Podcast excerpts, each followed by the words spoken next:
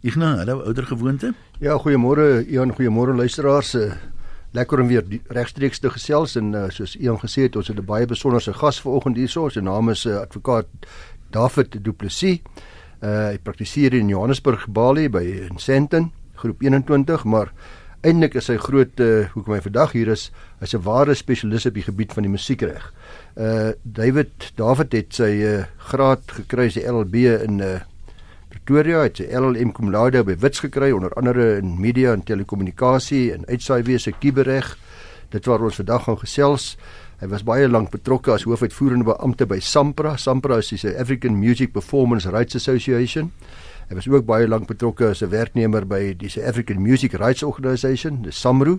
So absoluut die regte man om te gesels vandag met die luisteraars oor alles en nog wat van musiekregte as u dalk 'n luisteraar is wat die musiekwêreld wil betree en wat dink ek kan goed sing of uh wil weet hoe dit werk by die SAIK wat musiekregte betref, hoe word mense betaal daarvoor, komponiste, hoe wanneer kan ek dit as gebruiker gebruik? Het ek lisensies nodig, restauranteienaars, skool skole, kerke ensovoorts. Uh julle vandag die geleentheid om vir David Du Plessis te vra. Baie welkom David. Dankie Ignas. Ek nou het sommer hier die eerste vraag wat per SMS deurgekom het. Iemand wat sê ek is 'n DJ wat musiek speel by troues, hy het 'n hele versameling CD's en uh, mense betaal hom om by troues te speel. Hy sê hy het nie papiere vir hierdie werk nie. Het hy dit nodig? Het hy iewers toestemming nodig? En ek dink dan in aansluiting daar's ook ehm um, baie orkeste, bands, wat dansbands wat musiek speel teen betaling. Is daar onderskeid tussen DJ wat CD's speel en 'n orkes wat ander mense se liedjies speel by troues en funksies en die tipe van geleenthede? Ek dink dit is goed om eers met 'n onderskeid te begin tussen die regte wat bestaan in 'n komposisie en die regte wat bestaan in 'n klankopname. Ehm um, dit is eksklusiewe regte wat die outeur van die komposisie of die klankopname toekom. Wat beteken dat as jy dit wil gebruik, dan het jy 'n toestemming daarvoor nodig. So in die geval van 'n komposisie of jy dit nou gaan speel omdat jy 'n DJ is of jy dit gaan speel omdat jy 'n band is wat dit gaan speel, Indien dit 'n werk is wat in outeursreg is, dit beteken die komponis is nie langer as 50 jaar dood nie, dan sal jy magtiging daarvoor moet kry. Indien daardie komponis 'n lid is van SAMRO, wat die grootste organisasie is wat hierdie regte vir komponiste administreer, dan sou jy 'n lisensie van hulle moes kry. Ehm um, in die geval van klankopnames wat natuurlik nie van toepassing is as dit 'n lewendige orkes is wat speel nie, dan sou jy na SAMPRA toe moes gaan vir die gebruik van die klankopname. Maar wanneer dit gaan oor 'n groep of 'n DJ wat speel sou die verpligting om 'n lisensie uit te neem in die eerste instansie rus op die eienaar van die perseel. So as dit 'n hotel of 'n skoolsaal of trouvenue ja, daai tipe van plekke, die is die verpligting op die op die eienaar van daardie lokaal om daardie lisensies uit te neem. Indien hulle nie 'n lisensie het nie, sou hulle dan kon sê dat ek verskuif daai verpligting oor na die persoon wat die plek wil kom huur of gebruik. Maar as jy vir iemand kennis gee om te sê ek weet dat daar gaan musiek uitgevoer word by jou perseel op daai dag en datum en dit is my repertorium, dan gaan jy nie as die eienaar van die perseel kan wegkom daarmee om te sê ek wil daai verpligting verskuif na 'n ander persoon nie. Dan maak dit nie regtig saak wat se musiek gespeel word nie, want die eienaar van die perseel weet tog nou nie wat is op die speellys van die betrokke DJ nie. Ja, dit is natuurlik een van die groot probleme is dat jy gaan nie weet wat hulle gaan speel nie. Maar dit is natuurlik ook uit die oogpunt van die musiekgebruiker baie belangrik om net seker te maak of hierdie mense wat vir jou die lisensies gee, wel in staat is om die lisensie vir jou te kan gee in die lig van die tipe van musiek wat jy gebruik. Dis belangrik om te onthou dat outeursreg voortbestaan vir 50 jaar na die dood van die komponis en vir 50 jaar bly voortbestaan na 'n opname kommersieel vrygestel is.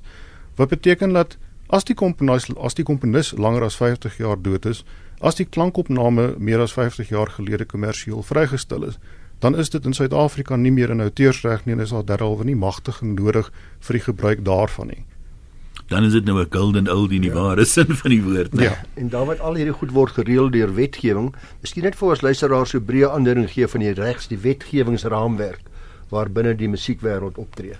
Daar is primêr twee stukke wetgewing waarna mens kyk. Die een is die wet op die auteursreg en die ander een is die wet op die beskerming van voordraers. So die wet op outeursreg die reguleer dan die outeursreg in goed soos komposisies, literêre werke, klankopnames, sinematografiese films en die wet op die beskerming van voordraers die kyk primêr na die belange van die voordraer, die uitvoerende kunstenaar, soos die titel van die wet vir mense wil sê, deur te sê dat jy kan nie 'n opname maak van 'n uitvoerende kunstenaar se optrede sonder sy of haar magtiging nie. Uh nog 'n vraag wat my nogal sou interesseer is, is ons Suid-Afrikaanse outeursreg wetgewing waar jy nou verwys, is dit relevant en toepaslik in die digitale era? Het ons bygebly? ja en nee is die is die antwoord. Soos meeste wetgewing wat uh gepromulgeer word, die is daar wetswysigings wat wat deurgevoer word oor jare heen. Waar ek dink Suid-Afrika waarskynlik tekort skiet, is dat daar spesifieke konvensies is wat van toepassing wat van toepassing is op uh op klankopnames wat nie onderteken is of waarvan Suid-Afrika nie 'n lidland is nie, soos byvoorbeeld die WPPT en die Rome konvensie wat beteken dat in baie gevalle skiet ons tekort rondom die beskerming van ons kunstenaars wanneer hulle oor see optree. Uh verder ook nog die is daar wetswysigings wat in die pipeline is, maar dis nie baie duidelik in die lig van sekere kommentaar van amptenare van die departement van handel en nywerheid of wat hulle verwys het na as blote versorgingsfoute eintlik reggestel is want in daaropvolgende weergawe wat ons gesien het van daai selfde konsep uh, wetwysigings die het daardie foute nog steeds deurgesluip. So mense weet nie eintlik presies wat die huidige toestand is nie. Ja. Jan, jy het 'n briefie vir my aangestuur wat ons vir 'n luisteraar gekry het. Sy naam is Derek Meyer. Hy vra 'n interessante vraag. Hy vra uh David kan musiekvideo's van YouTube afgelaai en gespeel word vir 'n gehoor by 'n kerkdiens of 'n partytjie? dit kan sekerlik gebeur maar met die nodige magtigings. Ehm um, wanneer mens 'n sinematografiese film want dit is wat 'n musiekvideo dan is en dit is hoe dit omskryf word in die eh, wet op outeursreg. Indien jy 'n uh, eh, 'n uh, openbare ehm um, uit, uitstalling daarvan het of dit vertoon 'n openbare vertoning het dan van daardie musiekvideo, ehm um, dan is dit iets wat lisensieerbaar is. Dan sou dit beteken dat jy na die eienaar moes gaan van daardie spesifieke musiekvideo, dis die persoon wat betaal het of die entiteit wat betaal het vir die maak daarvan om magtiging by hul te kry om dit te mag speel. Ek moet egter byvoeg dat wanneer dit gaan oor uh video's, ek het as ek dit reg verstaan het, is dit by 'n kerkdiens of by 'n kerkbazaar? Wel, jy praat van net van 'n kerkdiens, ja. 'n Kerkdiens. Ek dink dat as 'n beleidsbesluit en ek staan onder onder korreksie die het saam oor jare gelede besluit om nie die gebruik van musiek tydens kerkdienste dit is nou die openbare uitvoering daarvan uh om dit te wil gaan 'n lisensie fooi voor vra nie.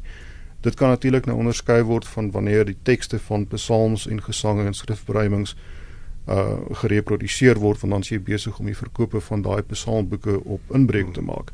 Maar uh, sover ek dit nog het, is dit 'n beleidsbesluit gewees van 'n SAMRO om nie lisensie voor te vra vir die gebruik van musiek tydens 'n kerkdiens nie. Hmm. Maar dis natuurlik 'n ander aspek wat mens by inbring as jy sê dat jy nou 'n musiekvideo van YouTube wil inbring want ja. dan is jy waarskynlik besig om ook 'n reproduksie in te bring wat nie gemagtig is nie. Jy het nou gepraat van 'n kerkbazaar. Kom ek gee vir jou 'n praktiese voorbeeld en vra dan vir jou of daar lisensiering nodig is en of alternatiefelik of daar sanksies gaan volg. 'n kerkbazaar. In een geval word daar toegang gevra en dan word lekker musiek gespeel die hele dag by die kerkbazaar. Ander geval word daar nie toegang gevra nie. Teenoor dan word uh, is, is gratis die kerkbazaar, maar daar word die hele dag musiek oor luidsprekers gespeel. Derde voorbeeld is 'n uh, skoolkonsert, revue. Die revue groepe hmm. gebruik almal verskillende musiek uh kunstenaars in hulle deel daarvan. Wie van hierdie mense is skuldig aan wat as hulle nie gelisensieer is nie? Ehm um, Goed, daar's ons 'n paar gevalle wat mens kan onderskei. Kom ons sê dit maak nie so seer saak of jy gaan toegangsgeld vra of nie wanneer dit gaan oor die gebruik van die musiek. Die vraag is of dit 'n openbare uitvoering is van daai musiek of nie. Dit is 'n openbare uitvoering wanneer die musiek akoesties hoorbaar gemaak word buite die huishoudelike kring. Dit wil sê iets soos 'n karnaval of 'n of 'n bazaar of daai tipe van goederes, die sal uit die aard van die saak iets wees waar mense gaan na 'n plek toe en dit is nie die huishoudelike kring nie. So of jy geld gaan vra daarvoor of nie, maak nie eintlik saak nie. Daar's egter 'n ander aspek wat inkom spesifiek met skole wat byvoorbeeld musiekopvoerings het en dit is dat wanneer mense musicals musiekblyspele opvoer, dan is dit dikwels iets wat afsonderlike magtiging benodig wat mens nie sou kry deur 'n Samro nie. Ehm um, so as mens nou praat van die bekende musicals soos ehm uh, Lion King of My Fair Lady of die tipe van goed, dan is dit iets wat afsonderlik gelisensieer sou word deur die musiekuitgewer en nie deur 'n Samro nie en ek ek is bewus van skole wat dikwels hierdie tipe van opvoerings het verskoon my onkunde, maar ek sit nou net en dink 'n uh, eh, praktiese voorbeeld. Uh daar word nou elke dag 'n klomp uh musiek gespeel op RSG van verskillende kunstenaars. Hoe word hulle betaal? Hoe word dit uh hoe word die hele bedryf georganiseer? In ander woorde, is dit 'n geval van die SAIK betaal aan Samro, Samro betaal weer aan die kunstenaars? Watter persentasies, hoeveelhede ensovoorts? Die wyse van aanslag van musiekgebruikers die verskil van van geval tot geval afhangende van watse tipe gebruik dit is. In die geval van uitsaaiers dan sal die aanslag of dit nou Samro of Sampra is wees op die omset van daardie van daardie entiteit. So in die geval van SABC byvoorbeeld waar ons nou is, die sal hulle 'n persentasie van hulle advertensie inkomste betaal as 'n lisensiefooi daai persentasie is bepaal aan die hand van 'n analise wat baie jare gelede gedoen is oor wat die gemiddelde musiekgebruik is oor al al al die SAK radiostasies wat op daai stadium uitgekom het op 'n sekere persentasie en toe is dit vasgepen as 'n persentasie van advertensie inkomste. Dan word daar 'n verpligting geplaas op musiekgebruikers in terme van die lisensies wat aan hulle uitgereik word om akkuraat verslag te doen van wat hulle speel. In die geval van uitsaaiers soos die SAIK beskik die SAIK se radiostasies oor die nodige tegnologie om lyste te kan produseer van wat hulle speel. Baie van die ander gebruikers het byvoorbeeld hulle eie sogenaamde INEAS radiostasies wat hulle ook mense kry met soortgelyke tegnologie. So die feit dat jy dalk 'n radio speel in jou winkel beteken nie dat jy hoef iemand aan te stel om daar te sit en lysies te maak van wat gespeel word nie daai inligting is wel verkrygbaar van die SAK en ander radiostasies. Ehm um, jy het nog gepraat van Samro en Samprise, hele paar mense wat nie lekker by is met die onderskeid nie. Iemand vra hier music rights gaan dit oor komponiste, performance rights gaan dit oor die uitvoer van die musiek. Dalk jy net klein bietjie perspektief gee oor verskil tussen die twee en of 'n mens dan wie jy in watter geval moet nader. Goed, daar is verskillende onderwerpe wat deur outeursreg wetgewing beskerm word wat insluit komposisies, literêre werke, rolprente, ehm uh, klankopnames en dies meer. Samro, die is 'n organisasie wat optree namens komponiste om om te sien na die sogenaamde uitvoeringsregte van die komponiste. Dis die regte van uitsaai, divisie en openbare uitvoering. 'n uitsending of uitsaai, dis wanneer jy 'n sein gelei onder 3000 GHz. Dis nie hoorbaar vir die mense gehoor nie. Diffusie is wanneer jy 'n sein gelei deur iets fisies soos koperkabel en 'n openbare opvoering is iets wat akoesties hoorbaar is deur die menslike oor. Dis nou wat die geval is rondom komposisies. Dieselfde regte geld egter ook rondom klankopnames waar die een in artikel 6 gehanteer word, is nou die komposisies, artikel 9, die kyk jy na die klankopnames, dis totaal afsonderlike regte. Klankopnames het ook dieselfde uitvoeringsregte van openbare uitvoering, divisie en uitsaai. So die onderskeid wat mense in eerste instansie moet tref is om te sê daar's outeursreg in klankopnames en daar's outeursreg in musiekwerke. Dis baie belangrik om dit van mekaar apart te hou beide uit die oogpunt van die gebruiker en as jy 'n aspirant musikant is om ook te verstaan dat jy nie daai as een globale ding moet beskou nie. Iemand vra hier, uh, ek skryf musiek en ek glo ek gaan nog 'n treffer skryf. Uh, moet 'n mens as jy jou regte wil beskerm, jy het nou 'n liedjie gekomponeer, kom ons sê jy's 'n neem 'n CD op, uh jy gaan die liedjie uitvoer ook. Hoe maak 'n ou om seker te maak niemand steel dit nie dat jou regte wel geboekstaaf is? Registreer jy dit iewers? Wat kan 'n mens wat kan 'n mens doen? Baie ouens uh, skryf ook 'n liedjie, dan sing hulle dit en dan hoor iemand anders dit en hoor jy later maar klink dan baie soos my liedjie vir al die koorstukkie wat op 'n CD wat iemand opgeneem het. Dan sê mense ja, maar jy het nie jou regte beskerm nie so as ek dit gehoor en dan kan ek dit eers geregistreer dan kan jy niks maak nie. In Suid-Afrika is daar nie enige voorvereistes vir die bestaan van outeursreg anders as die feit dat dit oorspronklik moet wees in in een of ander fisiese formaat. Wat beteken dat daar is nie 'n registrasieproses, daar is lande waar daar 'n registrasieproses is waar mense dikwels verward word of dalk nie heeltemal verstaan waar dit gaan nie, is dat hulle kan hulle komposisies vat na SAMRO waar dit geregistreer sal word as 'n komposisie van hulle, maar dit is nie asof die bestaan van daai registrasie van die komposisie die outeursreg vestig in daai persoon nie. So kom ons vat 'n voorbeeld. Daar is 'n komposisie Yellow Submarine gekomponeer deur Lennon en McCartney. As ek na Samro toe gaan en gaan sê vir hulle hier is Yellow Submarine, ek is die komponis daarvan en dalk kyk iemand nie mooi wat ek vir hulle gee nie en hulle registreer dit, dan beteken dit nie dat ek ewe skielik regte vestig in Yellow Submarine omdat ek vir iemand 'n vorm gegee het en gesê het ek is die komponis daarvan nie. Dan beteken dit gaan 'n feite vraag wees oor wat is die omstandighede. So wat mense dikwels doen net om veilig te wees. Is hulle gaan na 'n poskantoor of polisiekantoor of wat ook al met 'n stuk bladmusiek waarop hulle die komposisie neergeskryf het en laat die ding daar stempel sodat daar minstens 'n bewys is dat op 'n sekere dag en datum het die ding wel bestaan. Ja. Sodat as iemand dan kom met iets na die tyd dan kan jy sê, "Maar hier is my bladmusiek wat wys dat ek minstens op daai dag en datum die ding gekomponeer het." daar mag dalk ander omstandighede wees. So kom ons sê dat dalk het die ander ou die ding eers gekomponeer, jy het dit gehoor en jy gaan skryf dit gou neer. So dit gaan altyd maar 'n feite vraag wees. Dit is nie asof daai datumstempel weer op sy eie afdoende gaan ja. sê dit is hoe dit is nie. Dis maar net dat dit is goed wat jou gaan help om te sê dat ek kan aantoon minstens dat daar 'n uh, waarskynlikheid is dat ek eerder die komponis is as die ander persoon. Iemand vra hier daar mense hoor dikwels van 'n uh, stryery en onmin tussen verskillende kunstenaars omdat iemand neem hulle neem mekaar se liedjies op die covers so soos dit in die volksmond bekend staan. Uh as jy 'n CD maak en jy het 'n paar van jou eie liedjies mee, wil jy ook 'n paar van hierdie covers opneem, moet jy daai kunstenaar gaan nader om toestemming te kry. Uh baie mense lyk like my sit dit maar net op en dink is nie verkeerd nie. Goed, 'n paar punte. As as iets eers kommersieel vrygestel is en ek praat nou van die komposisie dan kan ander mense dit ook opneem. So daar's ons nie 'n manier hoe jy iemand kan verbied om jou goed op te neem as jy dit reeds laat gebruik het en laat opneem het nie.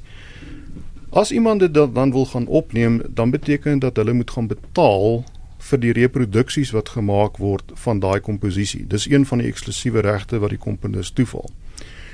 Die komponis kan besluit om daai regte self te administreer of kan dit oordra aan byvoorbeeld 'n musiekuitgewer. So, dan sou dit beteken dat as ek wil gaan 'n cover maak van daai spesifieke komposisie, moet ek gaan na die musiekuitgewer en by daai musiekuitgewer die magtiging kry. Ek wil ook net juis 'n woord van waarskuwing.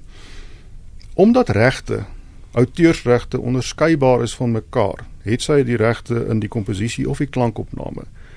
Die is dit veiliger om nie net noodwendig te aanvaar dat wanneer die oorspronklike kunstenaar of komponis vir jou sê ag dis alles nie haak jy kan maar hierdie gebruik gratis of vir wat ook al om te sê dit noodwendig so is nie want in baie gevalle die musiek komponiste en uh uitvoerende kunstenaars hulle regte gesedeer aan 'n platenmaatskappy of aan 'n musiekuitgewer. Wat beteken dat daai individu daai persoonlike daai privaat individu het nie meer die regte hmm. om te kan oordra nie So ek wil nie sê dat die mense jou probeer mislei nie, maar speel net veilig en maak seker dat as iemand vir jou sê ja, jy mag dit maar gebruik, dat jy inderdaad met die regte persoon praat.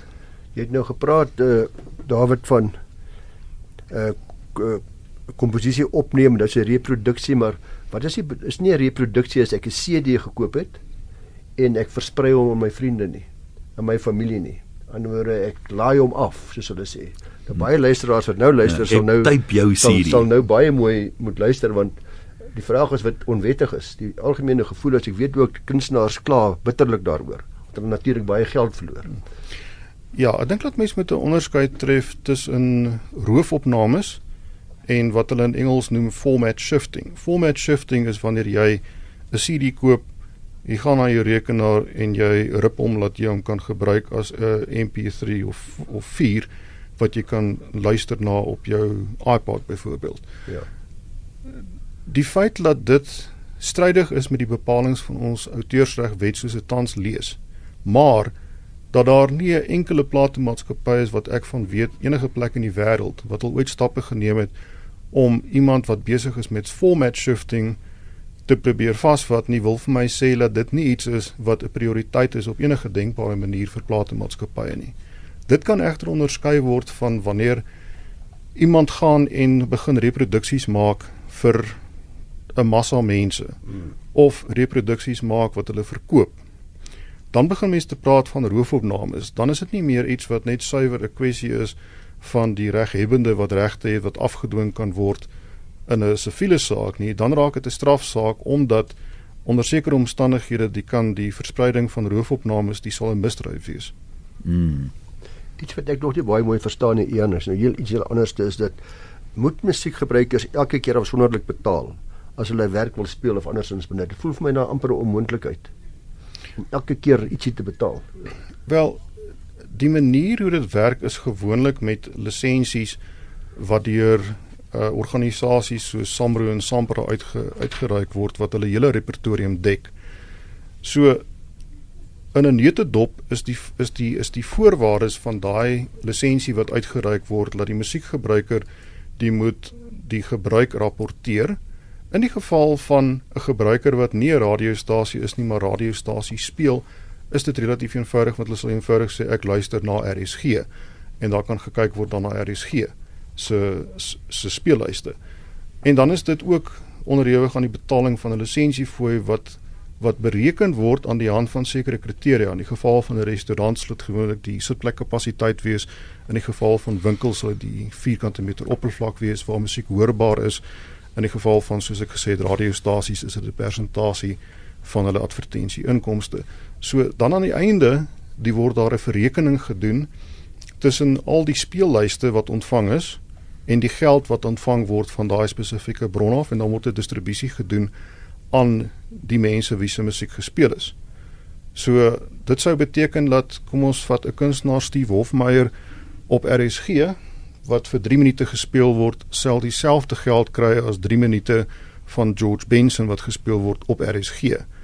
So dit is hoe daai berekening werk. Dit is nie asof daar 'n spesifieke fooi vooraf bepaal gaan word vir elke liedjie nie, want dit gaan totaal onhoudbaar wees om so om so meganisme te hê. Mens hoor baie min eintlik uh, van hofsaake en vervolgings oor enige van die kategorieë wat ons nou oor gepraat het. Is dit maar moeilike goed om te bewys uh, word daar min mense gevang in die sin dat daar's mense doen dit maar hulle kom weg daarmee daar's nie inspekteurs soos wat jy verkeerspolisie het wat om elke hoek en draai kyk dat jy die verkeersreëls nakom nie Ja nou dink die uitdaging in Suid-Afrika is waarskynlik dat ehm uh, die uh roofopnames die is versprei oor omtrent alle tipe van formate as mens dit so kan noem. So die kaset is nog 'n redelike populêre formaat in Suid-Afrika. Daar's ons mense in Europa en Amerika wat dit baie vreemd vind dat daar nog mense enige plek is wat luister na kasette, maar die kasetmark is nog is nog relatief groot hierso.